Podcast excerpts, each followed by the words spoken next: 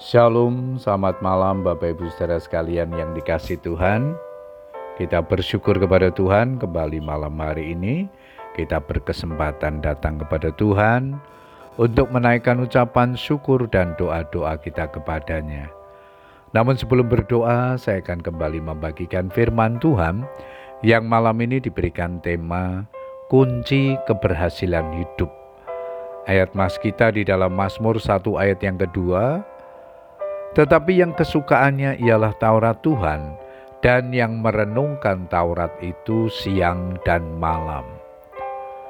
Banyak orang berpikir bahwa keberhasilan hidup sangat ditentukan oleh kecerdasan intelektual atau kecerdasan dalam bidang akademik atau sering dikenal dengan IQ.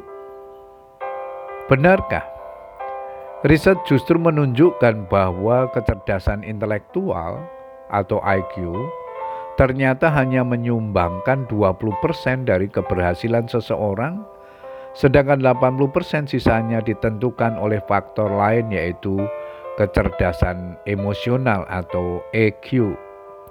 Kecerdasan emosional adalah kemampuan untuk mengenali, memahami, dan mengelola emosi kita sendiri dan emosi orang lain secara positif.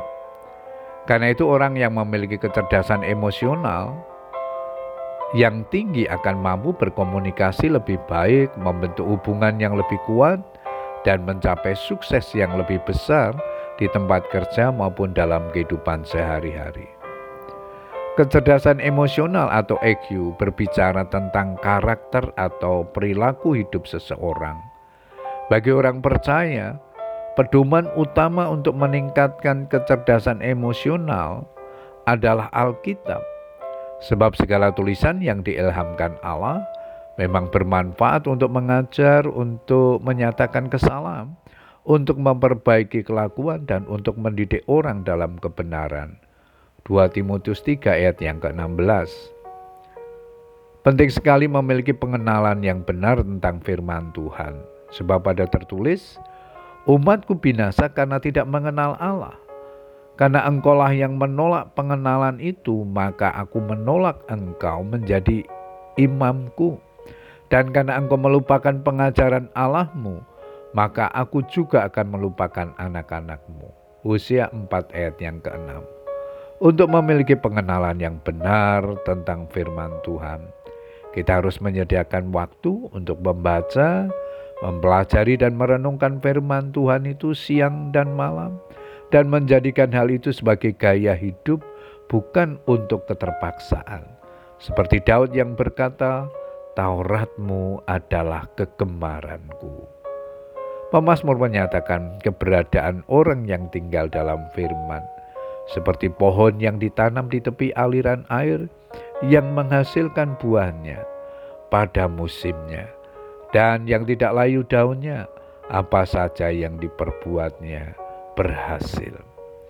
Semakin kita merenungkan firman Tuhan siang dan malam, semakin kita tahu tentang kunci untuk mengalami penggenapan janji Tuhan dan meraih keberhasilan hidup. Puji Tuhan Bapak Ibu Saudara sekalian, biarlah kebenaran firman Tuhan yang kita baca dan renungkan malam hari ini menjadi berkat dalam kehidupan kita. Raihlah keberhasilan bersama dengan Tuhan, sebab orang-orang benar tidak akan ditinggalkan Tuhan.